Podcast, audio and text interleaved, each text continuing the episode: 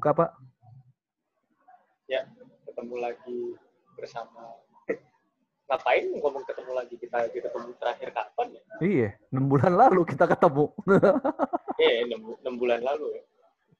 iya. Nah, ketemu aja sama kita sebuah siniar, sebuah podcast dari sebuah kesebelahan.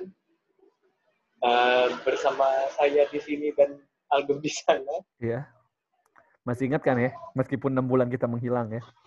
Terakhir Iya, ngepost tuh eh, tanggal 12 Juni. Iya, pas lah. Jadi eh, sebenarnya kita bikin podcast ini karena di nggak ditantangin sih, cuma karena kita bikin podcast, jadi kita merasa tertantang juga iya. sama postnya suaranya podcast ya shout out buat mereka Eh, bikin 31 hari lah Tiap hari bikin podcast. ya selama bulan Desember ini kita bikin podcast kayak advent calendar Nah, jadi gini sih kalau kita ngomongin uh, episode kita tahun 2019 itu ada sekitar 40-an episode ya. Dan sedangkan Iya. episode 2020 kita nih baru 4 episode. Jadi anggap Iya. aja selama kita sebulan ngejar kita bayar utang gitu. Iya, kita follow up nih Iya. setidaknya 35 episode aman lah ya setahun. Iya, 35 episode lah oke gitu kan. Ya, karena Ini pokoknya gue nggak mau tahu nih kita Apa? harus jadi nih. Iyalah. Nggak kita harus jadi nih 31 nih. Nggak boleh enggak. ya paling paling kalau ada kelupaan karena masing-masing sibuk ntar sehari dua gitu kan atau mungkin di Iya. weekend di weekend sehari tiga eh, mabuk gak sih lu Ya nggak apa-apa maksudnya biar besok-besok juga eh, bikin bikinnya langsung tinggal post aja. iya dulu aja kuat ya waktu itu kan pernah tuh Iya, dulu aja kuat. masa sekarang enggak Aman lah. Oh iya, tapi kita eh, durasinya bakal lebih, Lebih singkat dikit ya? juga sih untuk sekarang. Eh, Hmm. Lebih singkat. Kalau yang kemarin-kemarin bisa sampai satu jam 45 menit paling lama. Eh, sekarang kita sengaja mau Setengah jam. bikin setengah jam karena karena ini advent kalender. Iya. 31 hari harus Iya. bikin beruntun. Jadi kita nggak bisa panjang-panjang banget. lu kalau Kalau nggak radang tenggorokan iyalah minimal. bener apa ini jadi eh, seperti biasanya ya, seperti biasanya apa orang cuma empat episode ya eh, di Ya nggak apa-apa tahun lalu kan banyak. Iya, cuma nggak nggak seperti biasanya kalau kayak gitu ya, karena karena Iya. biasanya sih nggak ada Seperti suara-suara yang motor. sudah-sudah. Eh, Iya, ya udah seperti yang sudah-sudah. Seperti yang sudah-sudah di episode tahun ini ya. Jadi ini kita via online, jadi kita nggak ketemu ya kan. Jadi kalau misalnya ada suara-suara berisik kayak tadi suara motor, terus suara tukang bakso, suara suara apa apa pun itulah ya. Tukang Ya, suara motor, suara mobil gitu. ya mohon dimaklumi ya gitu kan. Iya. Karena Ya. gue eh, pasti ngerekam itu di tempat yang terbuka, nggak di tempat yang tertutup. Iya, betul. Eh, sebenarnya gue mau ngobrol lebih banyak sih ya. Apa kabar kalian gitu, tapi kalian juga nggak bisa jawab sih ya. Sebenarnya mau tahu aja gitu, gimana kabar-kabar para pendengar. Ya nggak apa-apa lah, kayak Ariel juga kalau lagi konser, Heeh. ngomong apa kabar, dia nggak peduli juga sih jawabannya apaan. Kayak, apa kabar semua? Gitu. kayak. Orang-orang cuma jawab, "Eh, eh, kalian luar biasa. Gitu. Padahal ada yang ngomong kan, bapak gue baru meninggal nih, gitu kan. Iya, ada aja. Terus Iya. dibilang kalian luar biasa. Apa yang luar biasa dari papa saya meninggal? kemarin saya baru putus pacar. Kalian Eh, luar biasa. kalian luar biasa. Hah? Luar biasa dari mana? saya Iya. habis diselingkuhi. Kok? Heeh. Ya seperti itu ya. Jadi eh, langsung saja daripada berlama-lama ya. epi- Episode pertama dari challenge ini adalah hari lahir. Hari. Oh, Nah, lahir. Ya kan? jadi tuh eh gue ngelihat hari lahir ini sebagai sesuatu yang cukup relevan dibahas di Indonesia dan khususnya orang tua Asia sih. Hmm. Eh, bahasannya agak negatif, lucu. Karena hari Hmm. pertama hari lahir, terus habis itu bahasannya langsung negatif, bukannya positif. Biasa kan orang ngebahas tentang ulang tahun gitu-gitu kan. Ya, namanya kita podcast yang psikologis, yang eh, tidak abal-abal, tak. sangat Iya. relevan dengan masa kini. Tapi yang jadi masalah gini, kita nggak bisa ngebahas yang seneng-seneng banget gitu. Iya. Kalau misalkan dibilang hari lahir, ya ngapain juga lu ngomongin tentang ulang tahun gua sama ulang tahunnya Aldo gitu kan. Hmm. Mendingan ngomongin yang lebih berfaedah. Tetap di hari lahir. Tapi gue pengen ngomongin kenapa orang tua Asia biasanya itu eh, menganggap kalau lo dilahirkan itu sebuah eh, sesuatu konsep yang harus ada balas budinya gitu. Hmm. Coba Kayak eh, dibahas dulu Pak. Nah, ini kayak contoh-contoh ya, kayak misalkan eh gue yakin sebagian besar dari kita pernah diomongin gini kayak waktu sama orang tua kita gitu kan, atau mungkin sama sama sosok orang yang lebih tua lah gitu ya. dihormati. Ketika misalkan kita lagi ada konflik sama orang tua gitu ya, eh, adu mulut atau adu gimana, terus udah bagus kamu dilahirkan atau argumen-argumen Iya. Harusnya kamu bersyukur udah lahir di dunia ini. Masa kamu perlakukan atau melahirkan kamu seperti itu? Dasar anak durhaka. atau atau kayak gini kayak misalkan eh, mama sudah susah-susah eh, mengandung kamu selama 9 bulan lahirnya malah anak kayak gini gitu. Iya. Gitu, kan gitu. ada ada argumen-argumen kayak gitu kan yang bikin lo pahit aja gitu di mulut Sebenarnya dan argumen itu jadi nggak bisa dilawan kadang argumen kayak gitu kan sebenarnya tujuannya adalah eh, membuat anaknya menyesal. Tapi langsung Iya. pakai langsung pakai raja terakhir gitu ya. iya langsung pakai kartu kalau kalau main capsa nih langsung pakai dua sekop nih Iya. Langsung pakai raja dikasih terakhir. tiga sekop Dan itu kan Iya. bikin padahal bikin kita punyanya tiga tempe Iya kan makanya. Tiga tempe lawannya dua sekop ya. Udah. Kalah gitu ya. iya auto kalah Jadi eh, maksudnya kan untuk membuat kita menyesal akan perbuatan kita. Yang mungkin itu Mm-mm. dikatakan sebagai kurang ajar atau kurang berkenan pada orang tua. Tapi Iya. kata-kata tersebut malah membuat kita menyesal, bukan menyesal karena perbuatan kita, tapi kita menyesal dilahirkan. iya Ya nggak sih? Ya Kayak karena ya karena konsepnya nggak gitu anjing gitu iya. Emang istilahnya Eh. kalau ada beberapa orang yang punya paham nihilis gitu ya, mereka akan Iya. ngomong, ya emang gue minta dilahirin dari lu. Gitu.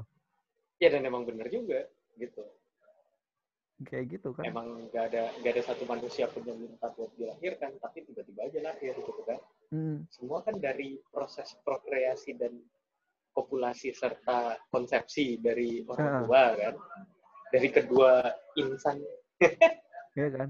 Cuma intinya dari dari dua da- dari sepasang manusia terus habis itu melahirkan anak gitu yang ngapain pakai kata-kata kasar kan nggak mungkin Iya. ngejelasinnya ya udah intinya dari konsepsi terus membuahkan anak gitu intinya. dan ya kayak tapi kan lu nggak punya pikiran iya. buat ke sana masa lu kayak disuruh ayo eh, bayi nomor satu silahkan turun ke rahim yang ini gitu kan.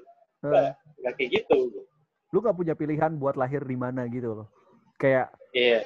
orang tua lu kayak mana itu lu nggak punya pilihan dan buat beberapa orang bilang ya itu itu gak adil gitu. Karena emang katanya kita punya kehendak bebas tapi kok kita nggak bisa memilih kita mau lahir di mana.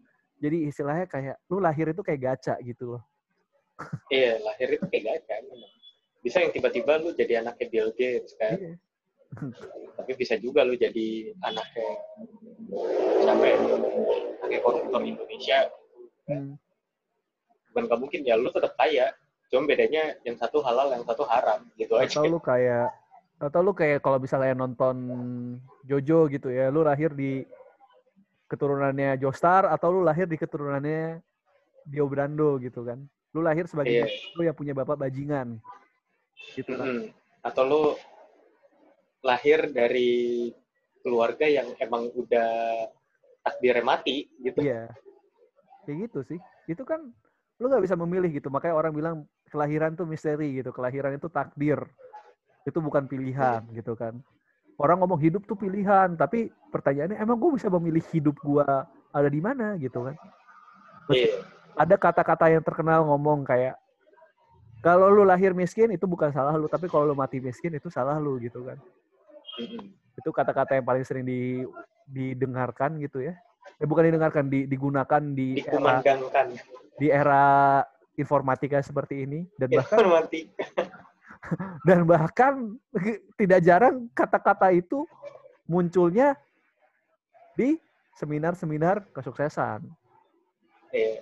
Tapi lucunya kata-kata itu juga Sukses luar biasa, yes, yes, yes. kata-kata itu juga sering terdengar di tempat ibadah. Jadi sebenarnya ke tempat ibadah karena Anda mau sukses atau mau mendekatkan diri sama Tuhan? Kan kita jadi bingung Iya, ya. nggak nggak jelas. Nah. Anda maunya beriman atau kaya? Nah, itu dia. Nah, itu itu, Ya, tapi kan gini, itu uh, sedikit ya. Nah, heeh. uh, tapi kan gini, kayak ngomong-ngomong soal hari lahir gitu kan, ada juga yang apa ya, ada juga yang akhirnya nggak jadi lahir atau berhubungan atau meninggal gitu kan.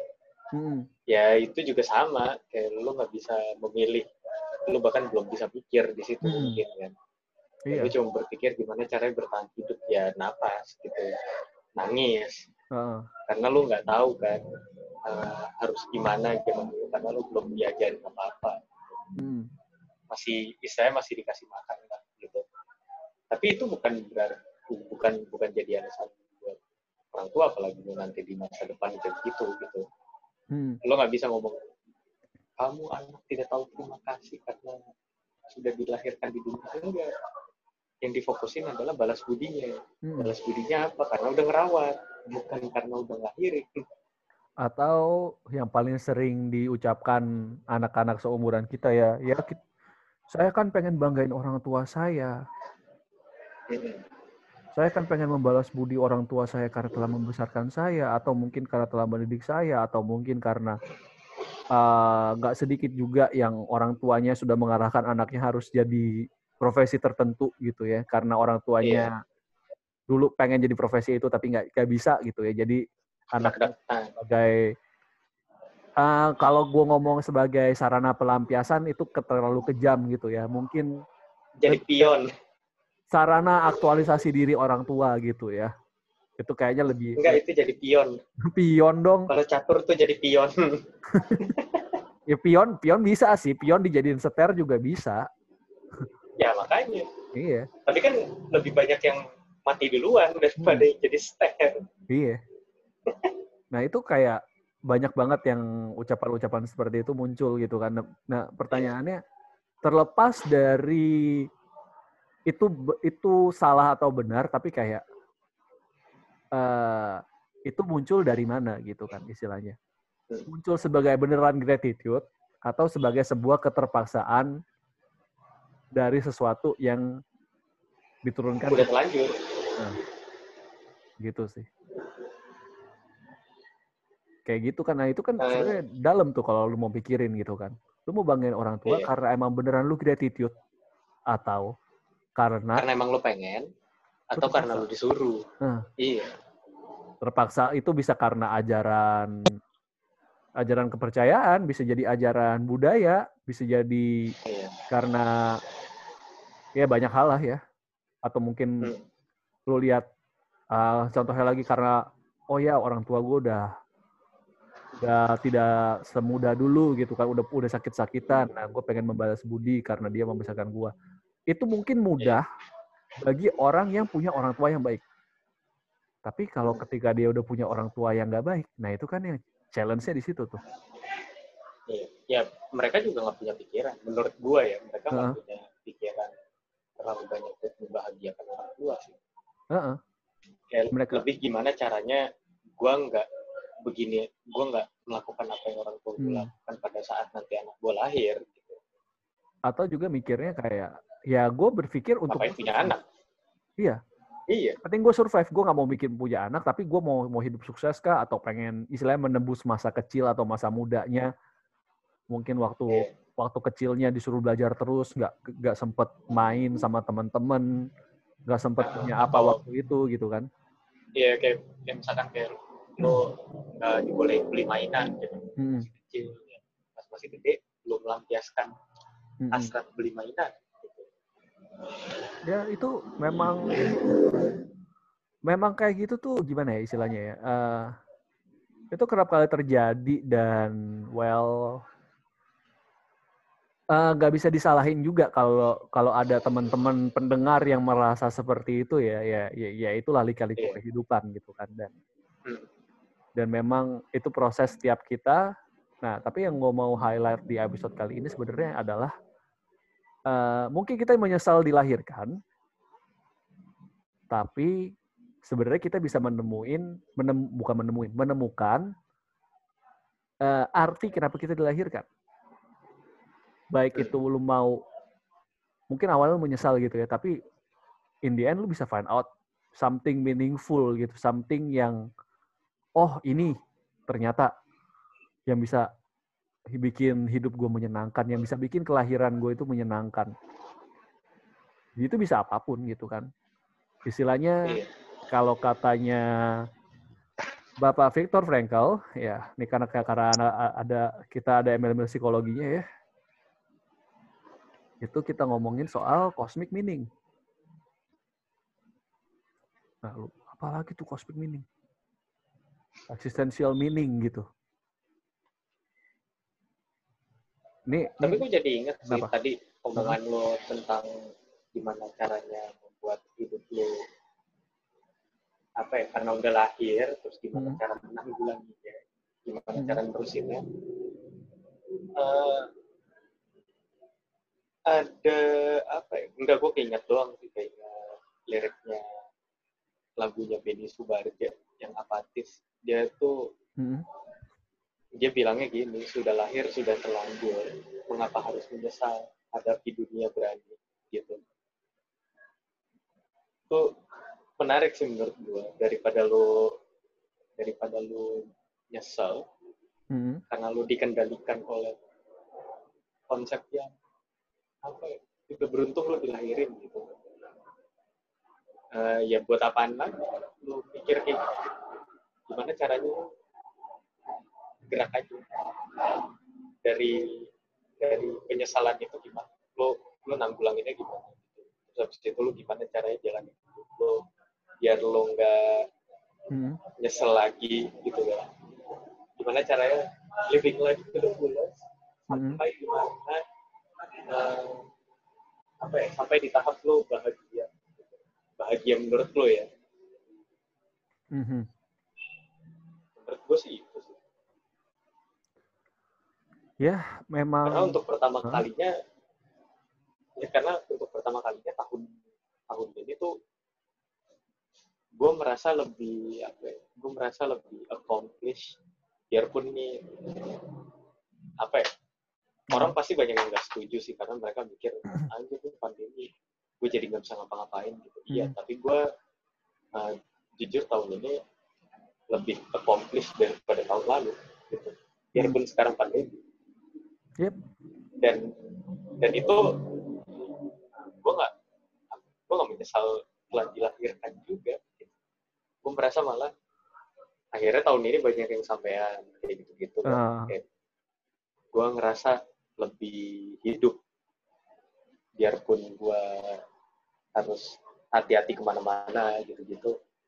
Ya gue taking precaution uh, apa ya kan banyak nih orang-orang yang nyesel kan ya hmm. kalau tahun-tahun lalu mungkin nyesel nyesel nyesel sudah hidup gitu sudah lahir hmm. cuma gue tahun ini enggak sih tahun ini gue lebih positif entah kenapa di tahun yang negatif ini gue lebih positif gitu hmm. ya, semoga pendengar setia siniar juga ikutan kayak begitu sih cuma ya nggak tahu juga nah. lu pada mikirnya apa mana tahu lu udah nabung buat jalan-jalan ternyata nggak bisa kan ya, ya.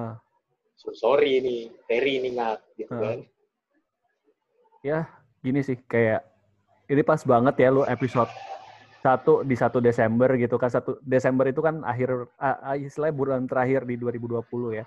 Memang tahun yang istilahnya tahun yang ba gak baik tapi ada juga ada juga baik baiknya gitu meskipun gak kayak tahun-tahun lalu gitu kan biasa Desember vibes vibes-nya udah vibes liburan vibes jalan-jalan pesta iya. temu teman-teman tuker kado uh, ya any kind of that gitu ya buat buat yang Kristen ya iya. Natalan bareng keluarga ini kan sekarang enggak gitu kan enggak enggak bisa seperti itu uh, kayak gini sih, yang tadi si Kevin bilang dia menemukan sesuatu yang positif di tahun ini, itu gue juga alami. Istilahnya, uh, gue cukup bergumul dengan satu pemikiran kenapa gue dilahirkan. Itu cukup parah setahun terakhir.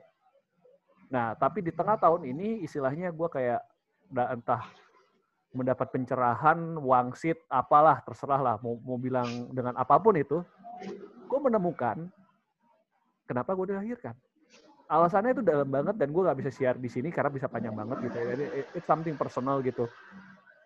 Cuma maksud gue kayak gue bisa highlight kayak uh, ini mungkin terdengarnya klise banget ya buat teman-teman yang mungkin mengalami mengalami misalkan mengalami banyak hal yang kurang menyenangkan di tahun ini. Mungkin orang dekat meninggal karena COVID gitu kan atau mungkin yang juga terkena COVID dan mungkin sampai sekarang kondisi fisiknya masih minim atau mungkin kehilangan pekerjaan karena ini bisnisnya hancur ya yang nggak tahu banyak banget yang memang terjadi. Cuma maksud gue kayak ini sekali lagi gue bukannya gak berempati sama kalian cuman gue mau ngomong ini yang gue rasain ya yang gue alami di tahun ini jadi ini murni pengalaman personal gue uh, kalian boleh setuju boleh nggak setuju tapi yang gue mau ngomong ada karena ini personal iya uh, kita nggak bisa ini ini gue nge-quote dari Frankel gitu ya kita hmm. nggak hmm. bisa memahami situasi kita sekarang. Namun kita bisa percaya kalau yang terjadi dalam hidup kita itu ada makna dan tujuannya.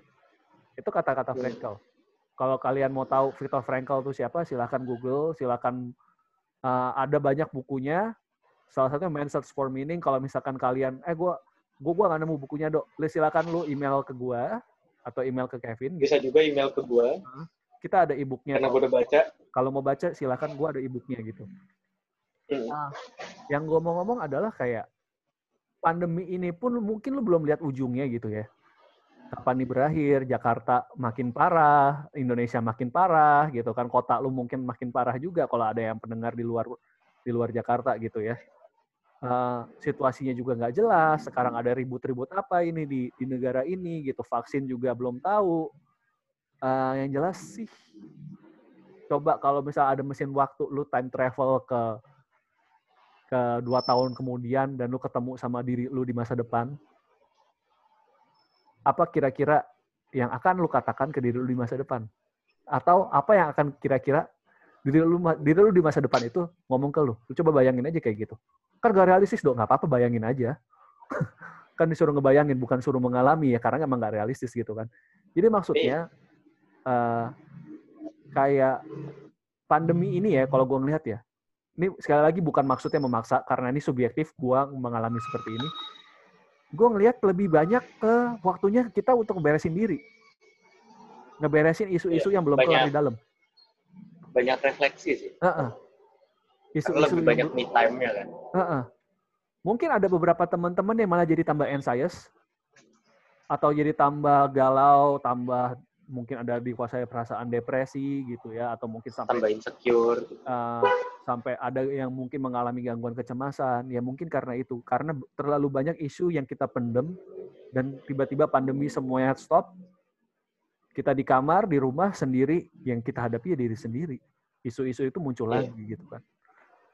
Dan kalaupun itu ya udah beresin aja pelan-pelan nggak usah buru-buru gitu kan. Nah itu tadi gue ngomong. Kita nggak tahu kita mungkin nggak ngerti. Kita nih ngalamin ini gimana? Apakah corona itu konspirasi? Apakah corona itu beneran ada? Apakah corona itu ada permainan politik? Ada ada permainan ekonomi? Ya kita nggak tahu. Nanti aja kita buktiin di akhir pandemi. Dengan pastinya kan ntar banyak-banyak yang terungkap gitu kan. Sekarang kalau lo mau ngungkap ngapain gitu kan? Bikin yeah. nambah beban pikiran lu gitu kan ya sekarang lu fokus hmm. aja untuk ke diri lu gitu kan kita nggak tahu apa yang terjadi kita nggak tahu apa yang uh, kita nggak ngerti apa yang terjadi sekarang tapi uh, maksud gue cobalah lu untuk melihat ke masa depan ya itu semua ada tujuannya gitu loh masalah lu nemu tujuannya nanti atau nemu tujuannya sekarang ya itu proses lu gitu sih maksud gue gitu kalau dari gue sih mendingan ya apa ya memang tahun ini tai banget sih maksudnya banyak hmm. yang tiba-tiba pandemi dan segala macam ini lumayan tai gitu cuman uh, lo coba pikirin juga ini tuh waktunya refleksi juga lo banyak mikir terus habis itu lo banyak waktu buat diri sendiri juga yang biasanya lo nggak bisa dapat waktu buat sendiri tapi lo eh, nggak uh, bisa gitu. Misalkan Senin sampai Jumat kerja Sabtu Minggu ketemu temen lo atau beribadah segala macam. Kan sebenarnya melelahkan sekarang kayak banyak kegiatan yang nggak ada. Lo lebih banyak sendiri ya. Sebenarnya sih apa ya? Secara pribadi sebenarnya lo harus melihat diri sendiri lagi sih hmm. apa yang udah lo uh, dapet selama pandemi selama tahun ini lo udah ngapain aja gitu-gitu itu kenapa gue bilang tadi ya menurut gue menurut pengalaman pribadi gue banyak accomplishment gitu tapi eh, nggak uh, tahu kan kalian gimana gitu kayak misalkan uh, ada yang malah lebih lambat kerjanya ada yang dipecat ada yang hmm. harus cari kerjaan baru lagi karena nggak ada duit sampai lo akhirnya pengen apa ya sampai sampai akhirnya esensinya ya itu kenapa gue dilahirin dan kenapa gue sampai tidak memiliki atau kehilangan privilege yang gue punya gitu. Hmm. Ya lebih banyak dipikirin lagi sih. Lebih lebih apa ya coba deh dipikirin uh, apa yang udah terjadi selama setahun ini dan apa yang udah didapat dari situ gitu. Hmm. ya yes. gue sih ya itu. Uh, biarpun gue bisa dibilang mengalami kesialan yang luar biasa dalam tahun ini tapi gue merasa juga lebih accomplish tahun ini juga gitu hmm. jadi ada kayak dua sisi dan apa ya uh, eh, gue bukan minta lu pada nyari sisi positifnya gitu-gitu enggak cuma ya lu patut berbangga sama diri lu sendiri sih karena lu sampai sekarang masih bisa hidup dulu. Nah. Kita juga nggak rekomend gitu. untuk kita juga nggak rekomend untuk kalian lakukan force positivity atau toxic positivity ya enggak cuma maksudnya yeah. kayak ya itu tadi yang gue bilang sih selama di tahun ini gitu mungkin bad bad things happen good yeah. things less apa happen lebih ya less happen gitu dalam hidup lu tapi ya uh, istilahnya kayak nasi udah jadi bubur gitu kan. Tapi ini ini kata-kata guru fisika gue ya. Nasi udah jadi bubur, tapi kan bubur masih enak dikasih kecap, dikasih ayam, kasih kerupuk. Iya betul. gitu ya, kan. Ya itu balik lagi kita nggak maksa buat uh, force positivity atau toxic positivity. Cuma hmm. uh, kayaknya ada enaknya sih kalau lo ngelihat apa yang lo dapat sejauh ini selama tahun iya. lu udah ngapain aja gitu yang ngelihat aja kalau misalkan emang hasilnya tai juga ya nasib gitu tapi kalau misalkan ada yang positif bisa disyukuri uh. biarpun sekarang lu misalkan ya misalkan lu gak ada kerjaan tapi kemarin kemarin lu udah pernah ke Singapura gitu sebelum hmm. ya itu kan salah satu yang bisa dibanggakan hmm. udah apa apa gitu. biarpun gua dipecat gue masih uh. bisa cari kerjaan lagi sekarang gimana caranya lu ke depannya bisa cari kerjaan kayak gitu. Iya.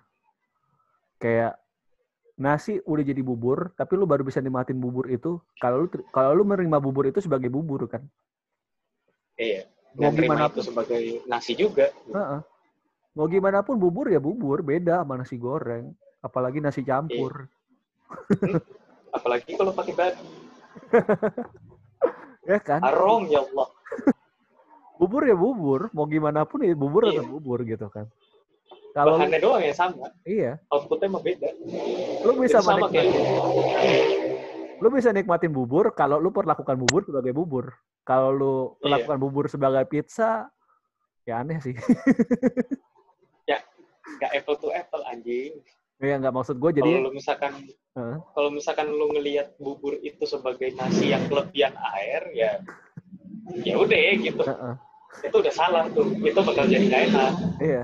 tapi kalau misalkan lu mau perlakukan nasi itu sebagai beras yang ditanam Heeh, kalau bubur itu beras yang direbus gitu kan terus Hmm. itu jadinya bubur heeh.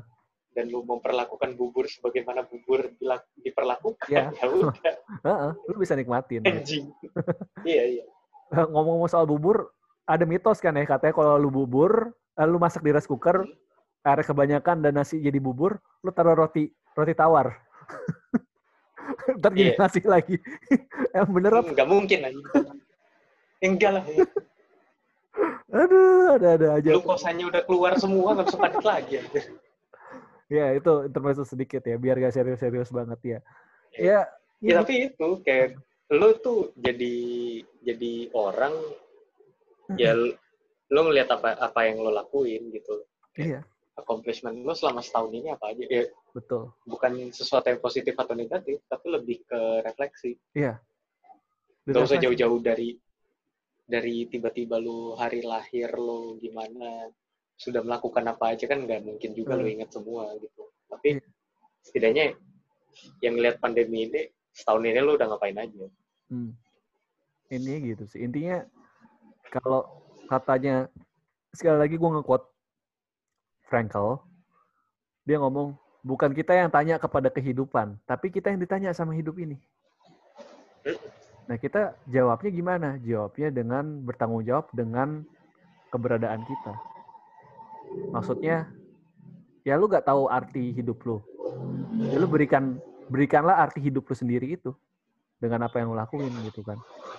Iya. Dengan apa yang lu buat, apa yang lu bikin, apa bikin karya kah atau apa sesimpel itu aja.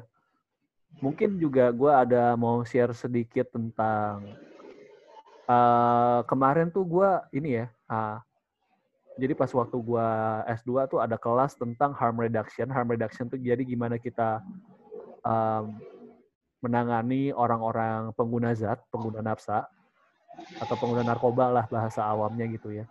Dan ternyata ya kalau misal selama ini lu mikir oh pengguna narkoba tuh ancur-ancuran hidupnya udah nggak udah nggak bisa pulih lagi. Banyak kok yang pulih gitu loh. Banyak kok yang banyak kok yang yang istilahnya dia bisa bangkit dan bisa hasilkan sesuatu gitu. Istilahnya kan kalau narkoba tuh kan ini gue cerita sedikit narkoba tuh udah udah ngerusak syaraf lu, udah ngerusak sistem pemikiran lu, dan nggak sedikit juga orang yang narkoba itu jadi narapidana karena bertindak kriminal, buat beli narkoba dia Iya. nyolong kah, ngerampok kah. Tapi banyak juga yang mereka recover dari hal tersebut gitu kan. Memang prosesnya panjang dan nggak semua orang bisa dipukul rata gitu kan. Prosesnya penerimaan dari keluarga, proses dari penerimaan dari lingkungan itu menentukan semuanya. Eh, dan yang gue maksudkan adalah kayak kuncinya di penerimaan sih. Kalau yang kayak tadi soal bubur gitu ya, lu nggak terima bubur sebagai bubur ya, lu nggak bisa nikmatin bubur gitu kan.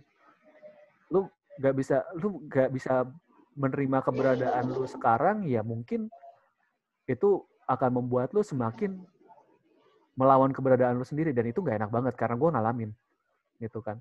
Iya. kira pikiran Betul. suicidal kah mungkin ada yang sampai self harm terus Iya, perilaku yang agresif ya, orang gitu. Kayak pikiran-pikiran yang nah konsepnya tuh lu menolak diri lu sendiri Heeh. karena diri lu itu tidak ideal gitu. Heeh. Lu Masalahnya nggak idealnya bukan menurut society doang. Idealnya tuh udah parah. Idealnya tuh menurut lu ke lu sendiri. iya atau lu lakuin hal-hal yang merugikan lu gak selalu harus self harm ya tapi bisa jadi bentuk-bentuk kayak kecanduan tuh kayak gue bilang tadi kecanduan narkoba itu kan juga sebagai tanda Iya. Protes gitu banyak ba- banyak kasus demikian gitu kecanduan apa lagi kecanduan game misalkan kecanduan apa lagi judi ya kan judi Makan. Iya. Ya, atau makan. ya makan banyak sih Lo binge eating pada saat lagi stres gitu kan. Ya nggak apa-apa juga sebenarnya. Cuma kalau berlebihan, Hmm. ya balik lagi semua yang berlebihan itu nggak baik. Nah, kayak gitu-gitu dan itu kan istilahnya ini kita bahas hari bahas kelahiran aja udah bahas membahas di hari di kalau kalau di podcast challenge-nya ya yang tentang self care, self love. Ya apa? Gak apa-apa ya lah. apa-apa Sedikit-sedikit Nggak aja kita kita buka sedikit gitu ya di sini. Intinya Iya, gitu sih kayak kalian kan lebih gampang ntar ke Uh-uh. depannya ya kan. Ntar kita lanjutin aja di bagian yang self love. Itu hari berapa ya? Ntar deh gue cek lagi. Eh, intinya gitu sih kayak kita bisa menjawab arti hidup kita sendiri itu dengan apa yang kita lakuin gitu kan. Memang mungkin mungkin kampret gitu, ngeselin, fuck up banget gitu kalau ketika lu ngomong, ketika lu denger omongan dasar anak gak tahu terima kasih, udah dilahirin, udah dirawat, udah disekolahin, kurang ajar. Emang emang emang itu kata-kata yang nggak menyenangkan, nggak mungkin itu kata-kata itu bisa diubah jadi sesuatu yang menyenangkan. Gak usah Iya, jadi sesuatu yang positif gitu Iya, nggak usah ngadi-ngadi lah gitu ya. Bubur ya bubur, bukan pizza gitu. Kata-kata itu Iya. menyakitkan, yes itu menyakitkan. Dan cukup mereka aja yang menyakiti lu. Jangan diri lu sendiri gitu sih. Kalau lu sakit dari mereka, ya udah. Tapi stop di situ, lu jangan menyakiti diri lu sendiri dengan tindakan-tindakan yang yang kayak tadi udah dibahas gitu ya. Karena itu itu akan semakin merusak uh, pengertian, pemahaman, pemaknaan lu tentang hidup lu, tentang eksistensi lu gitu. iya pola pikir berubah sih Sebenarnya dari dari kepercayaan apa pun ya, lu mau agama lu Kristen, terus teman-temannya Muslim, ya, pemuja cetulu ya pemuja ketulu gitu, pemuja gacha sekalipun gitu ya, Hmm, atau mungkin lu nggak percaya Tuhan itu ada ya, lu bisa tetap memaknai keberadaan lu gitu. iya. Bebas jadi multi multi kepercayaan, multi etnis gitu. Iya. Itu lu bisa memaknai sih. Dan makanya tadi gua nge-quote Frankel ya gitu tadi dengan apa yang lu lakuin. Gitu. Segitu gitu aja sih kalau dari gua ya. Ini kayak juga udah setengah jam lebih. Iya. udah Ada tambahan lagi? Hmm. Iya sih, kalau kalau menurut gue sih itu sih. Eh, selama bulan Desember ini coba dipikirin apa yang bisa Hmm. lu lakuin dan apa yang positif, apa yang negatif. Jadi lu bisa ngelihat nih improvementnya ke depannya gimana Hmm. dan lo harus bangga atas apa dan bisa dimaknai sebagai apa ya sebagai improvement kenapa lo lahir di dunia dan apa saja yang sudah anda lakukan gitu Mm-mm. nggak selalu positif tapi nggak melulu negatif juga dan itu bagus malah Betul. Ya, itu aja sih itu kalau gua. aja kalau dari kami ya. Ya udah, sampai jumpa di episode berikutnya ya berarti. iya Oke, sampai jumpa. Bye bye.